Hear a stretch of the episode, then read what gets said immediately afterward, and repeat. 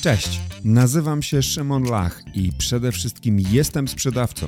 W tym podcaście otrzymasz wiedzę, która jest zbiorem moich ponad 15 lat doświadczeń w sprzedaży. Usiądź wygodnie i zapraszam do świata dobrej sprzedaży. Odcinek 148. Zespół czy grupa jednostek? Czym jest team sprzedażowy? Cześć. Dzień dobry wieczór w 148 odcinku dobrej sprzedaży i w odcinku wyjątkowym. A jest to wyjątkowy odcinek, dlatego że zaczniemy ten odcinek od ogłoszenia parafialnego, które obiecałem Wam e, parę tygodni temu, kiedy e, jeszcze w okresie przedświątecznym zapowiadałem, że po świętach i po nowym roku pojawi się informacja na temat mojej książki. I informacje są dwie.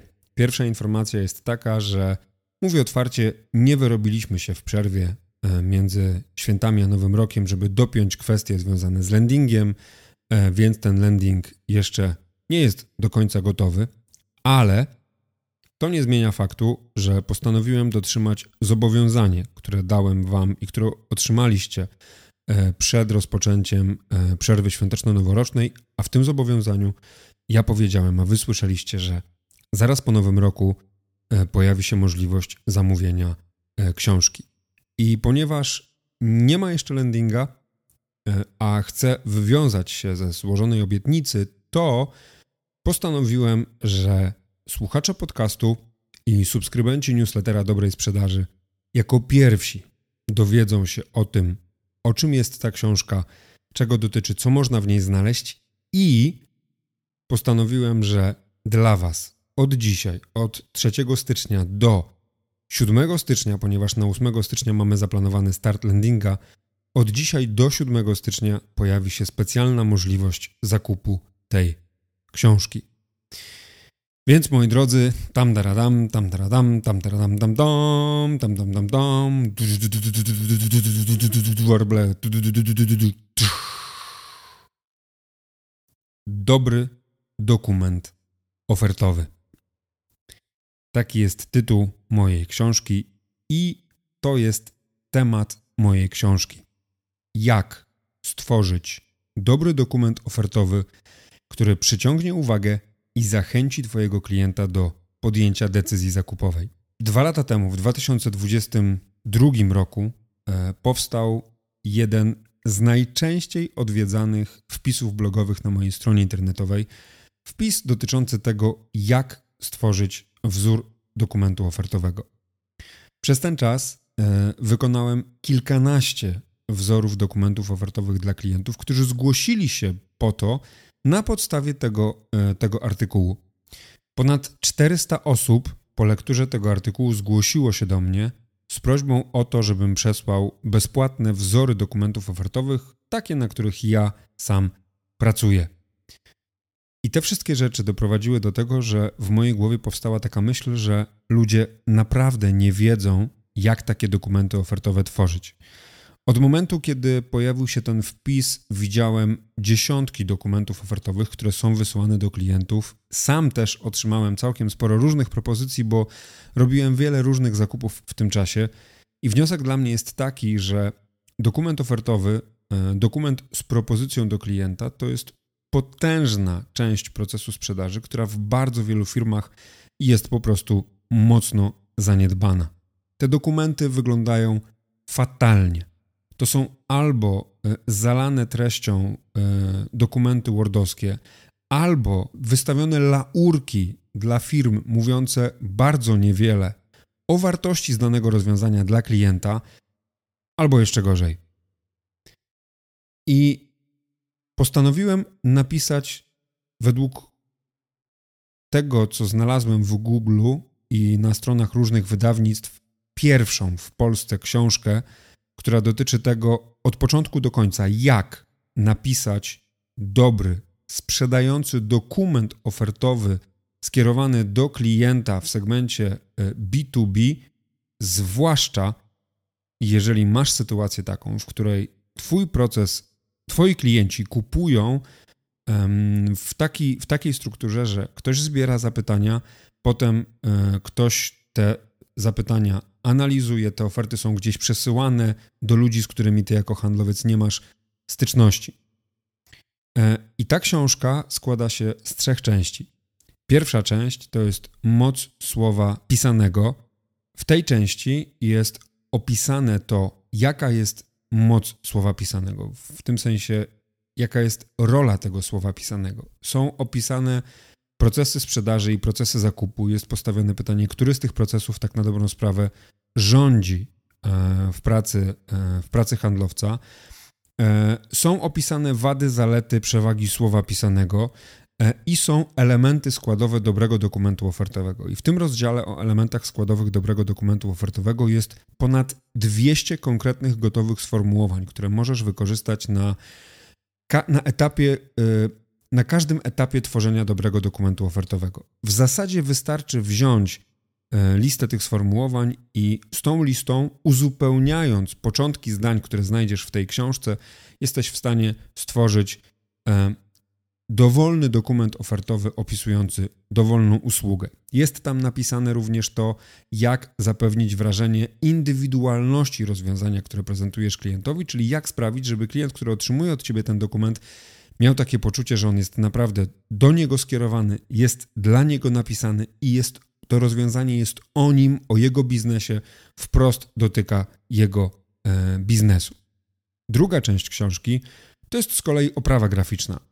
I tu są podane konkretne rozwiązania, które mają doprowadzić do tego, żeby Twój dokument, oprócz tego, że będzie e, ubrany w dobrą, porządną treść, dobrze i porządnie się prezentował żeby wyróżnił się na tle innych firm tym, że będzie estetyczny, profesjonalny, rzetelny, merytoryczny, elegancki.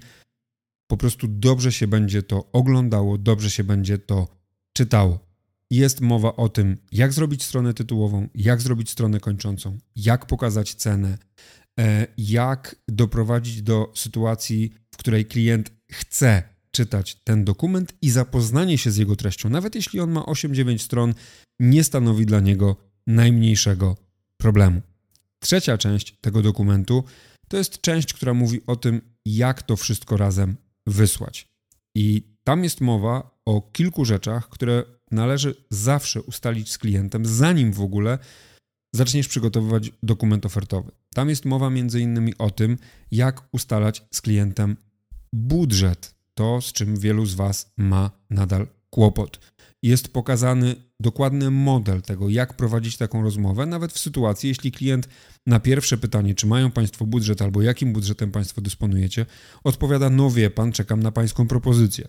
Wielu z Was w rozmowach mówi, że to jest właśnie ten etap, w którym, z którym macie największy kłopot. Więc w książce macie odpowiedź na to, jak z taką sytuacją sobie e, poradzić. Następnie dowiesz się, jak wysłać e-mail, jak napisać e-mail z propozycją. Jest tam opisane krok po kroku, jak takiego maila napisać, łącznie z tym, że w każdym kroku podane są konkretne przykłady, więc w zasadzie na upartego możesz wziąć kopiuj, wklej, wstawić nazwę swojej firmy, elementy charakterystyczne Twojego rozwiązania i masz gotowy wzór. Później jest opisane to, co ja robię zaraz po wysłaniu propozycji i ostatni rozdział dotyczy tego, jak wygląda proces follow-upowy i co zrobić, kiedy klient przestaje się e, odzywać. I tu są podane moje sposoby, które sam stosuję, jeżeli taka sytuacja w ogóle ma miejsce, a dzieje się to bardzo e, rzadko. I to są te trzy części: moc słowa pisanego, oprawa graficzna i kwestie związane z tym, jak to wszystko, e, jak to wszystko wysłać. I słuchajcie, Książkę będzie można kupić w trzech pakietach: Silver Gold, Silver Gold i Platinum.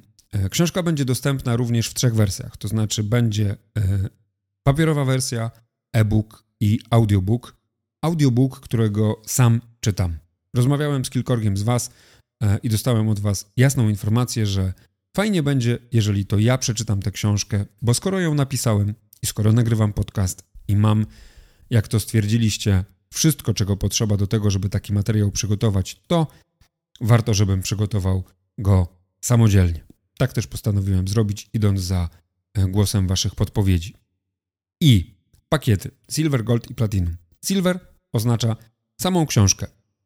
W cenie regularnej książka będzie kosztowała 79 zł, w przedsprzedaży, która rusza 8 stycznia 69 zł, a dla Was od dzisiaj do 8 stycznia Wy możecie nabyć tę książkę w cenie 59 zł.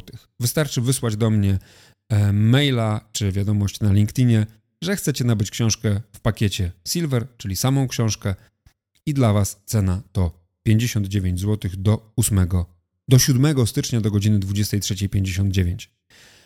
Pakiet Gold yy, to jest książka plus materiały graficzne. Pod hasłem materiałów graficznych kryją się zdjęcia, ikony, wzory, specjalne wzory dokumentów ofertowych, które, które możecie otrzymać ode mnie. E, dwa wzory dokumentów ofertowych. I taki pakiet Gold w regularnej cenie będzie kosztował 169 zł, w przedsprzedaży 149 zł, a dla Was, dla słuchaczy dobrej sprzedaży i dla subskrybentów newslettera Dobrego Handlowca cena wynosi 139 zł. Wszystkie ceny są cenami e, brutto.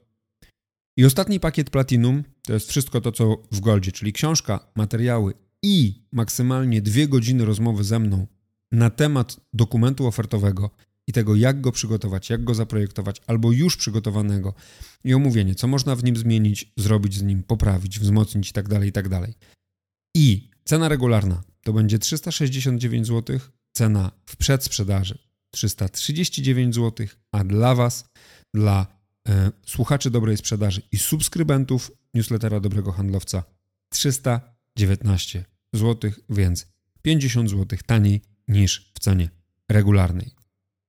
Sama książka 59 zł dla Was. E, książka razem z zdjęciami i materiałami graficznymi.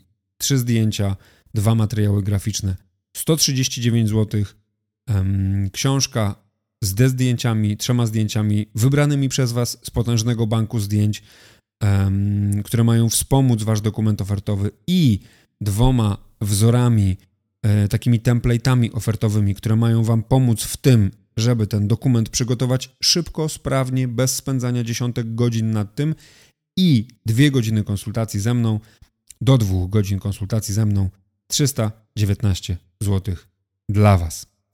Jeśli chcecie, dajcie znać e, adres napiszmałpa.szymonlach.com lub wiadomość na e, LinkedInie i w ten sposób możecie złożyć zamówienie. W odpowiedzi otrzymacie numer konta do wpłaty i prośbę o przesłanie danych do faktury, albo możecie od razu w mailu napisać swoje dane do, e, do wystawienia faktury imiennej albo na firmę i wówczas takie zamówienie zostanie przez Was przyjęte, a książka w wersji papierowej, jak tylko się pojawi, zostanie do Was wysłana. Szacuję, że książka powinna, e, że wysyłka powinna rozpocząć się około 20-24 stycznia między 20 a 24 stycznia. E, tak mam zapowiedziane z drukarni, że książka powinna u mnie być i wtedy w wersji papierowej będzie do Was wysłana. E-book czy audiobook pewnie pojawią się e, wcześniej. Więc moi drodzy, jeżeli macie ochotę, dobry dokument ofertowy, który sprzedaję, zapraszam. To jest pierwsza oficjalna informacja na temat mojej książki. Jaram się.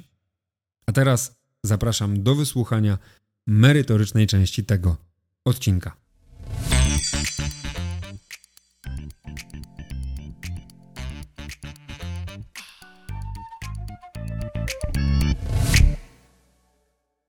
Wybaczcie, że ten wstęp e, trwał tak długo.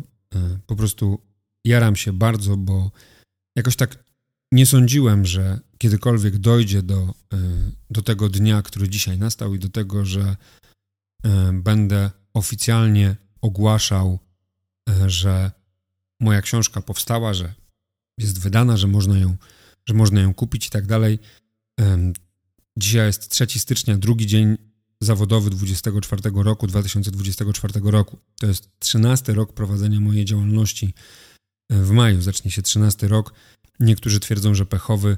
Dla mnie zaczyna się naprawdę szczęśliwie, zwłaszcza, że ja nie wierzę w, nazwijmy to, takie ludowe e, przesłanki. Ja bardzo mocno wierzę w Bożą moc i czuję taką ogromną wdzięczność za to, że ten dzień nastał i że mogłem się z Wami podzielić dzisiaj tym tak ważnym newsem, a tak ważną wiadomością. A przechodząc do sedna sprawy, to e, postanowiłem nagrać ten odcinek jako swego rodzaju kontynuację dwóch poprzednich odcinków, które dotyczyły planowania sprzedaży. W pierwszym odcinku, czyli w 146, mogłeś e, usłyszeć o błędach w planowaniu. W 147 odcinku było dużo mowy o tym, z jakich metod, strategii czy jakiego podejścia korzystać przy planowaniu sprzedaży. I dzisiaj chcę pogadać o tym, że nie każda grupa musi być zespołem. I bardzo wielu menedżerów, często zupełnie niepotrzebnie, stara się budować e, w teamach sprzedażowych takie poczucie team spirit. Moim zdaniem, często w sprzedaży akurat jest to zbędne. Oczywiście to zależy od tego, jak ułożony jest cel e, sprzedażowy, bo jeżeli cel sprzedażowy jest nałożony na cały zespół i cały zespół pracuje na to, żeby ten cel sprzedażowy był e, dowieziony. I nie ma znaczenia to, kto ile do tego worka dołoży. Liczy się tylko i wyłącznie to, żeby sumarycznie e, został dowieziony wynik. To jasne, że ten team spirit będzie bardzo potrzebny. Jednocześnie, jak pracuję z firmami sprzedażowymi, to bardzo rzadko zdarza mi się widzieć teamy, w których rzeczywiście jest tak, że jest podany tylko i wyłącznie cel zespołowy i nie ma znaczenia, kto ile wrzuci. Liczy się tylko i wyłącznie to, żeby e, cały zespół dowiózł 100% wymaganego dla nich celu. Zazwyczaj jest tak, że ten cel zespołowy jest przez menedżera rozkładany na poszczególnych ludzi. I chcę dzisiaj pogadać o tym, jaka jest różnica pomiędzy grupą jednostek, czy też grupą roboczą, a zespołem. Po to, żebyście e, mogli odpowiedzieć sobie sami na pytanie, e, zwłaszcza je, jeśli jesteście takimi indywidualistami w sprzedaży. A w sprzedaży takich indywidualistów jest bardzo wielu i czasami może być tak, że e, jesteście postrzegani trochę jako outsiderzy. Nieważne, czy robicie wyniki ponad plan, czy, czy, czy poniżej, ale możecie być postrzegani jako tacy outsiderzy, czy jeśli jesteś menadżerem, to może ci się wydawać, że w twoim zespole nie ma team spirit i że to jest coś złego. No właśnie ten odcinek podcastu powstaje po to, żebyś mógł sam stwierdzić, czy to, że w twoim zespole nie ma team spirit, albo czy to, że gdzieś jesteś outsiderem, który nie do końca czuje zespołowość z koleżankami i kolegami z pracy, czy to jest coś złego. I mam kilka punktów, które odróżniają grupę jednostek od zespołu i na tych punktach chcę się skupić. Ich jest dokładnie siedem. I na podstawie tych siedmiu punktów sam oceń na końcu tego odcinka, czy ty jesteś e, menedżerem, który chce mieć zespół, który chce mieć grupę jednostek, czy ty jesteś handlowcem, który należy do zespołu, czy też należy do e, grupy jednostek, albo jak chcesz patrzeć sam na siebie, jako na część zespołu, czy jako na część grupy roboczej, która ma jakiś cel do wypracowania. I pierwszy element, pierwsza różnica pomiędzy e, grupą jednostek a zespołem jest taka, że w grupie roboczej, w grupie jednostek jest zawsze silny, wyrazisty lider. Natomiast w zespole, co do zasady oczywiście i według, mm, według książki E, pod tytułem Dyscyplina zespołów e, autorstwa e, państwa Katzenbach i, i Smith w grupie roboczej jest silny, wyrazisty lider, a w zespole jest tak zwane wspólne przywództwo. To oznacza, że w grupie roboczej decyzję podejmuje jednostka i pozostałe osoby często w jakiś sposób muszą się tym decyzjom podporządkować. Oczywiście to nie znaczy, że ta jednostka podejmuje te decyzje na podstawie swojego własnego widzimisia, absolutnie, dlatego że nawet w grupach roboczych liderzy bardzo często konsultują swoje zdanie, rozmawiają z członkami tej, e, z członkami tej grupy, pytają ich o opinię, jednocześnie podejmują decyzję taką, jaka uważają, że będzie słuszna. W zespole zgodnie z definicją e, z książki Dyscyplina Zespołów, bardziej mamy do czynienia z tak zwanym wspólnym przywództwem, czyli decyzje są wypracowywane przez cały, e, przez cały team. I na przykład dzisiaj na warsztacie e, miałem do czynienia z taką ciekawą sytuacją, ponieważ menadżerowie starali się pracować jako zespół, wiedząc jednocześnie, że każdy z nich zarządza grupą roboczą, więc jako zespół wypracowywali strategię pracy dla grup roboczych, w których To oni są tymi silnymi, albo powinni być tymi silnymi i wyrazistymi e, liderami swoich grup, e, grup roboczych. I zastanów się, jak u ciebie są podejmowane te decyzje. Czy ty jesteś, czy ty uprawiasz wspólne zespołowe przywództwo, jeżeli jesteś menadżerem, albo jeżeli jesteś handlowcem, czy czujesz się taki sposób, że e, twój menadżer uprawia wspólne zespołowe przywództwo, gdzie naprawdę razem podejmujecie decyzje, czy też masz poczucie, że jesteś silnym, wyrazistym liderem, albo w twoim zespole jest e, silny, wyrazisty lider, który po prostu podejmuje decyzje.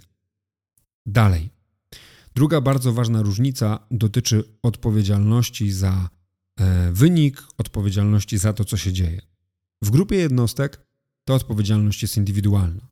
To znaczy, jak coś z jakimś klientem nie wyjdzie, to odpowiedzialność ponosi przysłowiowy Kowalski, który tym klientem się opiekuje.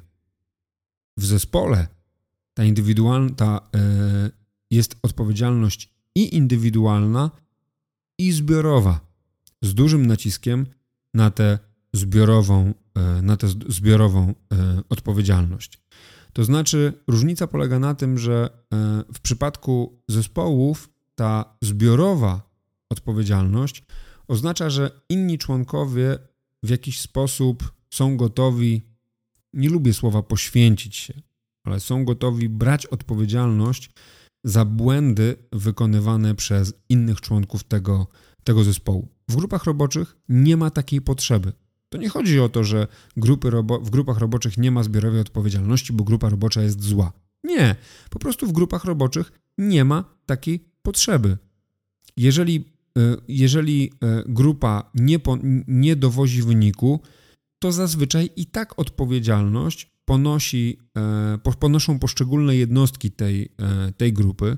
Czasami jest tak, w niektórych, w niektórych firmach, że zespoły handlowe mają dodatkową premię od tego, jeśli cały team dowiezie, cały team dowiezie wynik.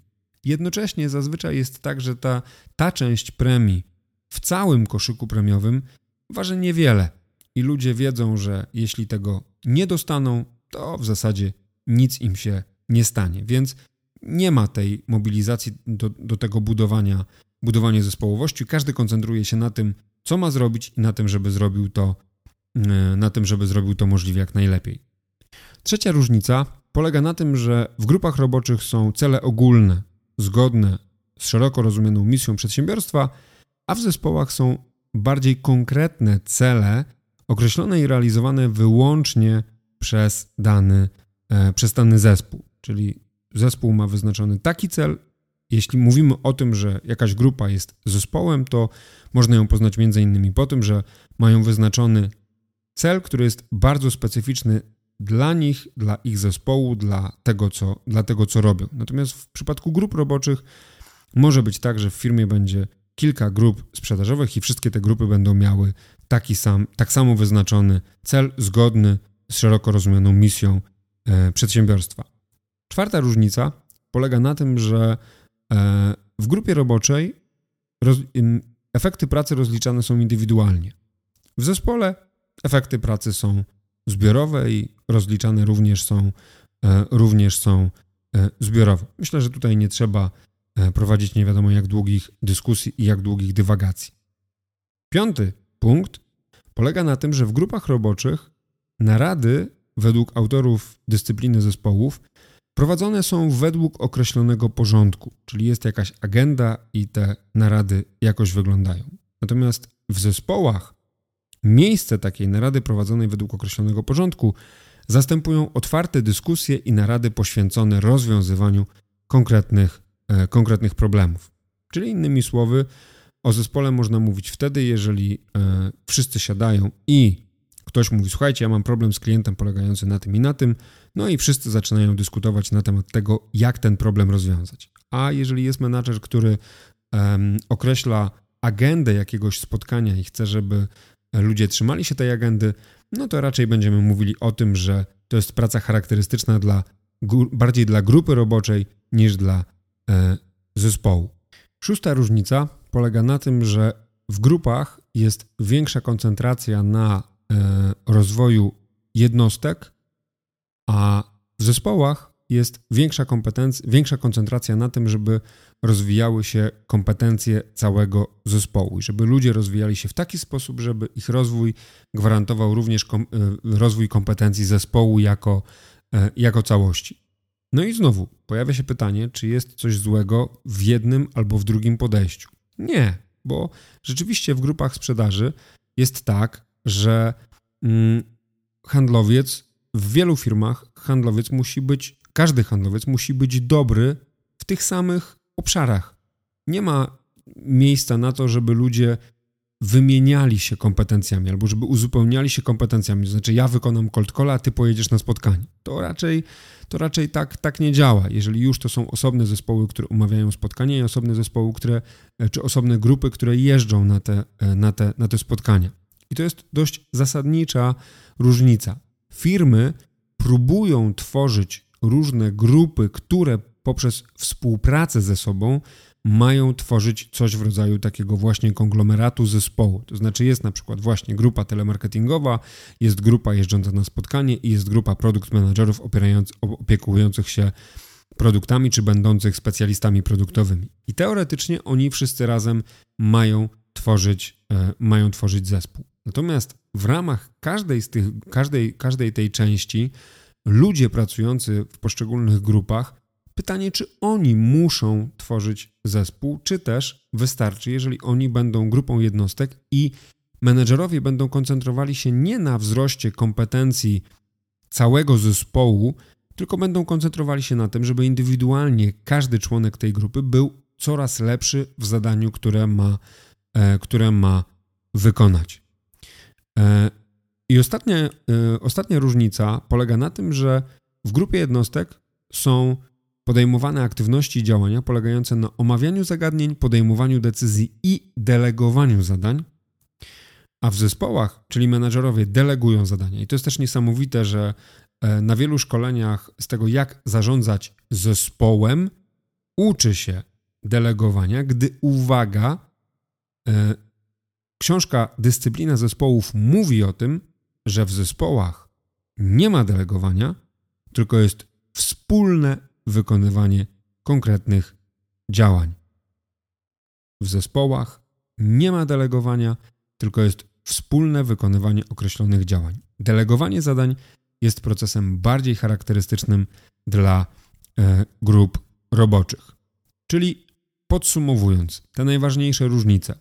Grupa robocza Silny lider, zespół, wspólne przywództwo, grupa, indywidualna odpowiedzialność, zespół, indywidualna i zbiorowa odpowiedzialność, e, grupa, cele ogólne, zgodne z rozumianą misją, zespół, cele konkretne, bardzo charakterystyczne dla tego danego zespołu, grupa robocza, indywidualne efekty pracy, zespół, zbiorowe efekty pracy, grupa robocza, narady prowadzone według określonego porządku, zespół, otwarte dyskusje, narady poświęcone rozwiązywaniu konkretnych e, problemów. Dalej, e, grupa, nastawienie na rozwój indywidualny poszczególnych jednostek, zespół, nastawienie na rozwój kompetencji zespołu i na to, żeby kompetencje poszczególnych członków uzupełniały moc całego zespołu. I ostatni, ostatni element, grupa, aktywności polegające na delegowaniu zadań w zespole, aktywności polegające na wspólnym podejmowaniu decyzji i wspólnym wykonywaniu konkretnych działań. I to są te najważniejsze różnice. Na koniec chcę podsumować jeszcze e, takimi kilkoma punktami związanymi z zaletami, z wadami grupy i z zaletami i wadami e, zespołów. Otóż, jakie są zalety grupy? Wbrew pozorom, zaletą w grupie jest to, że relacje w tych grupach są tymczasowe, bo grupy łączą indywidualnych członków pracujących e, równolegle e, i tworzą się w nich takie stosunkowo płyt, znaczy płytkie, krótkie relacje związane z realizacją krótkoterminowych projektów zewnętrznych czy, czy związane z jakimiś wewnętrznymi, chwilowo trwającymi konsultacjami. Tam nie ma nie wiadomo jakich, nie wiadomo jak dużych e, zażyłości, w związku z tym często łatwiej jest utrzymać taki wiecie, taki zawodowy, zawodowe podejście członków tej grupy bez wchodzenia w nie wiadomo jak prywatne relacje i na jak prywatną stopę znajomości.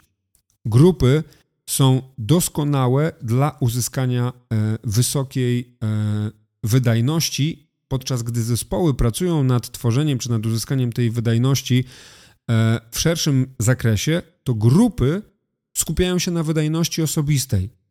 I to może podnosić zarówno czas potrzebny na uzyskanie odpowiedniej wydajności, może, pod, może podnosić samą wydajność, dlatego że Jedni członkowie e, takiej grupy mogą rozwijać się szybciej od pozostałych i mogą być lepsi od pozostałych. I kolejna zaleta grupy to jest to, o czym już było mówione, czyli grupy są nastawione na ten rozwój e, jednostkowy. I są nastawione na to, żeby maksymalizować rozwój jednostkowy wszystkich członków grupy w tym samym obszarze. Więc dbają, menedżerowie grup mają za zadanie dbać o to, żeby każdy członek tej grupy był możliwie jak najlepszy w zadaniu, które jest wspólne, często wspólne dla wszystkich członków takiej, e, takiej grupy. Wady grupy są takie, że te stosunkowo takie, to, kurczę, płytkie to jest złe słowo, no ale dobra, użyjmy takiego uproszczenia, że te, te stosunkowo płytkie relacje E, mogą doprowadzać do e, pewnego wyobcowania członków tej grupy. To znaczy, jeżeli ktoś, nie wiem, jest jednostką słabszą, ma słabszą psychikę, to może się źle w takiej grupie jednostek czuć i może nie odnaleźć się w świecie ludzi, których nie łączą nie wiadomo jak bliskie i nie wiadomo jak, e, jak, zażyłe, jak relacje. Druga sprawa jest taka, druga wada grupy jest taka, że E, grupy często hmm, jakby nie, mogą nie wspierać takich misyjnych e, celów e, organizacji, czy w ogóle celów organizacji, ponieważ w grupach ludzie mogą być nastawieni, które nie mają tego poczucia zespołowości, tej, takiej, tego poczucia silnej integracji z zespołem, jakim jest firma, Ludzie mogą bardziej skupiać się na chęci e, uzyskiwania swoich celów indywidualnych niż takiego e, bardzo silnego realizowania celów e, organizacji. I to może być wada, to może być problem, to jest zresztą problem, który występuje w wielu zespołach czy w wielu teamach sprzedażowych, że handlowcy nie do końca chcą robić to, czego oczekuje od nich organizacja, bardziej chcą robić to, czego, co, im, co im się osobiście najbardziej E, najbardziej opłaca.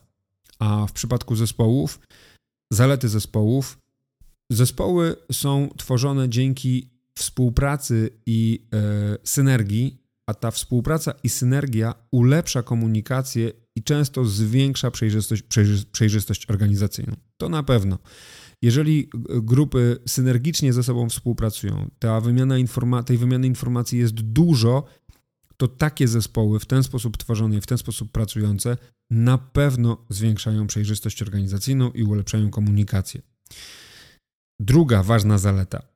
Zespoły zwiększają produktywność, produktywność grup. Co ważne, podczas gdy grupy zwiększają wydajność, przewagą zespołów jest wyższa produktywność. I tak się dzieje, bo członkowie zespołów wspierają się nawzajem w pracy i ułatwiają sobie rozwiązywanie wspólnych problemów, co sprawia, że faktycznie w tej samej jednostce czasu, czyli na przykład w ciągu jednego dnia albo tygodnia, zespół potrafi być bardziej produktywny, niekoniecznie bardziej wydajny. To znaczy, dla przykładu, w czasie, jednego, w czasie tygodnia zespół może na przykład, nie wiem, rozwiązać problem, który grupa będzie rozwiązywała przez miesiąc i w czasie tego samego tygodnia zespół, dzieląc się zadaniami, pozyska na przykład dwóch klientów, podczas gdy grupa pozyska tych klientów sześciu, bo każdy członek grupy, bo grupa jako całość skupi się na pozyskaniu jednego klienta, zespół jako całość, przepraszam, skupi się na pozyskaniu jednego klienta, a w grupie jednostek sześć osób skupi się na tym, żeby każda z nich pozyskała, e, pozyskała po jednym kliencie. I zespoły na pewno ze względu na tę synergię, na ścisłą współpracę, bliskie relacje, są lepsze w rozwiązywaniu problemów. E, lepiej im wychodzi praca kreatywna, burze mózgów, jakiś design thinking i tak dalej. Jest większa otwartość na krytykę, łatwiej ludzie znoszą w zespołach krytykę i to na pewno jest zaletą tego, zaletą tego zespołu. A jakie są e, wady zespołu? No pierwsza wada jest taka, że zespoły nie skupiają się zawsze na indywidualnym, na indywidualnym rozwoju. To nie jest jakaś reguła, natomiast bardzo często jest tak, że w zespołach nie ma kultu indywidualnego rozwoju, tylko jest kult tego, żeby rozwijał się cały, e, cały zespół. W związku z tym niektórzy członkowie tego e, zespołu mogą mieć poczucie, że oni się nie rozwijają, bo na przykład poziom ich kompetencji dla zespołu jest wystarczający. Albo może być tak, że e, w niektórych przypadkach zespoły hamują wręcz możliwości rozwoju poszczególnych jednostek, bo jednostka jest dużo dalej w jakimś obszarze niż zespół, więc jeżeli zespół będzie miał podążać za jednostką, to po pierwsze, to nie jest zespołowe, to jednostka musi podążać za zespołem, a zatem w takiej sytuacji to może oznaczać, że jednostka musi zwolnić. Druga rzecz, zespoły mogą mieć duże problemy z wydajnością jako taką. To znaczy, ze zaletą zespołów jest ich produktywność, że są w stanie wypracować więcej pomysłów, więcej rozwiązań, ale bez wprowadzania prawidłowych procesów organizacyjnych mogą mieć kłopoty z wydajnością, co może doprowadzać do tego, że czas pracy się wydłuży i zespoły będą nie dotrzymywały terminy, bo na przykład dyskusji będzie zbyt wiele i będzie trudność z podjęciem jakiejś, e, jakiejś e, decyzji. Więc jak widzisz, zarówno grupy jednostek, jak, jak i e, zespoły mają swoje wady, mają swoje zalety. I teraz w świetle tych wad, w świetle tych zalet i w świetle tych różnic, o których słyszałeś, bo podsum podsumujmy jeszcze raz e, zalety i wady, gru e, wady grupy i wady zespołu. Zalety grupy. Relacje są tymczasowe, grupy są świetne dla wydajności i są nastawione na rozwój jednostkowy. To są zalety grupy. Wady grupy mogą powodować wyobcowanie niektórych członków i mogą nie wspierać celów organizacyjnych, nadrzędne mogą być cele indywidualne. E, zalety zespołów tworzone są dzięki współpracy i synergii e, członków, zwiększają produktywność grup i są lepsze w rozwiązywaniu problemów, skomplikowanych problemów, gdzie potrzebnych jest kilka osób do tego, żeby taki zespół, e, żeby taki problem rozwiązać. A wady nie skupiają się zawsze na indywidualnym rozwoju. Priorytetem może być rozwój zespołu, co może oznaczać czasami hamowanie niektórych jednostek i mogą mieć problemy z wydajnością. I teraz wiedząc, jakie są różnice pomiędzy grupą jednostek a zespołem, jakie są wady i zalety jednego i drugiego tworu, e, mówiąc, mówiąc kolokwialnie, jeśli jesteś menedżerem, podejmij decyzję, co chcesz mieć. Czy faktycznie potrzebny jest ci zespół, który będzie dobry w produktywności, w generowaniu rozwiązań, a może mieć kłopot z wydajnością, czy też potrzebna ci jest grupa ludzi, grupa robocza, grupa jednostek, w której będziesz kładł nacisk na indywidualny rozwój każdej z tych osób i na to, żeby każda z nich w swoim poletku była możliwie jak najlepsza i swoje poletko uprawiała możliwie jak najlepiej. Czy potrzebujesz zespołu, który będzie miał, który będzie brał zespołową odpowiedzialność, czy też zależy Ci na tym, żeby ludzie mieli poczucie, że każdy z nich odpowiada za swój kawałek i za swój fragment tego, co robi i ma dążyć do tego, żeby być najlepszym w tym, co robi. Ja uważam, że dobrze jest, jeżeli menedżerowie świadomie podejmują decyzje, e, biorąc pod uwagę swoją specyfikę pracy, branży, e, procesu zakupowego klientów, procesu sprzedaży itd., tak itd., tak dobrze jest, żeby menadżerowie nie, nie dążyli na siłę do tego, żeby wszędzie były zespoły, tylko świadomie podejmowali decyzję o tym, czy zespół, czy grupa jednostek. A jeśli jesteś handlowcem i do tej pory miałeś takie poczucie, że y, nie jesteś członkiem zespołu, nie wiem, że, że, że, że, że team, w którym pracujesz, to nie jest zespół, to może ten odcinek podcastu dał ci odpowiedzi na to, skąd się to bierze i już wiesz, że to wcale nie musi być złe i że wszystko z tobą w porządku jeżeli nie czujesz się, e, jeżeli nie czujesz się członkiem, e, członkiem zespołu, bo być może budowanie poczucia zespołowości w Twoim przypadku jest niepotrzebne. A może powinieneś zmienić miejsce i poszukać takiego, gdzie nie będzie aż tak dużego nacisku na zespołowość, tylko właśnie będzie, e, będzie e, zarządzanie nastawione bardziej na to, żeby wspierać e, team, jakim jest grupa e, jednostek. Ja dziękuję Ci za wysłuchanie tego, e, tego odcinka podcastu. Mam nadzieję, że w tym momencie już wiesz, że nie każda grupa jednostek to zespół i nie każdy zespół musi tym zespołem być. I trzymam bardzo mocno kciuki za to, żebyś w jak najbardziej świadomy sposób odnalazł swoją rolę w teamie, w którym obecnie jesteś, lub jeśli jesteś menadżerem sprzedaży, to żebyś w jak najbardziej świadomy sposób podjął decyzję o tym, co jest dobre dla teamu, którym kierujesz. Czy to, żeby budować w nich to poczucie zespołowości, czy też to, żeby pozwolić im na to, żeby byli, żeby e, byli grupą silnych jednostek, w której będziesz kształtować indywidualny charakter i siłę każdej z tych jednostek. Dzięki za wysłuchanie tego odcinka. Wszystkiego dobrego i jak co tydzień mocno trzymam kciuki za Twoją sprzedaż, a jeśli chcesz, żeby Twoje dokumenty ofertowe były lepsze, to wiesz co robić. Trzymajcie się. Wszystkiego dobrego. Cześć.